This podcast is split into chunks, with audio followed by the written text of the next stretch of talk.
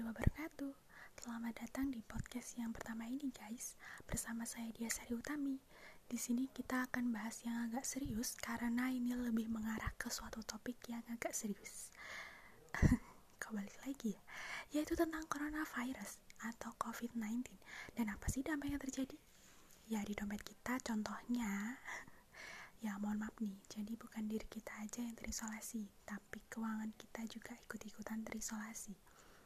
Sebenarnya kita kan juga butuh duit ya buat jajan. Kok malah mikirin jajan sih? Yaudah nggak usah dipikirin. Yang penting sehat lah ya. Amin.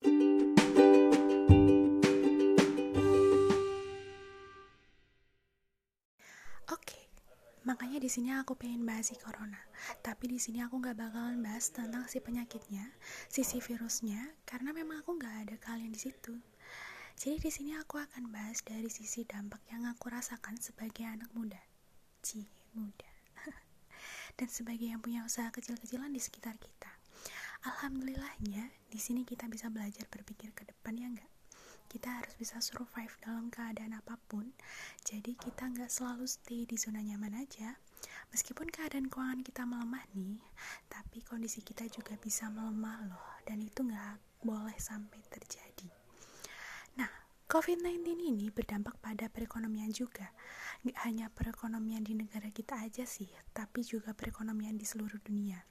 Mulai dari perusahaan yang besar sampai pedagang pun kena imbasnya. Ya gimana nggak kena imbasnya? Semua negara di lockdown, otomatis daya jual beli pun bakalan menurun.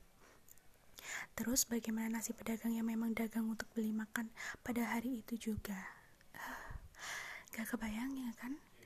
Mungkin dari kita enak masih bisa main game, masih bisa lihat YouTube, masih bisa santai-santai. Tapi kasihan para pedagang yang dagangannya laku sedikit. Apalagi sekolah-sekolah, kampus-kampus pada libur semua.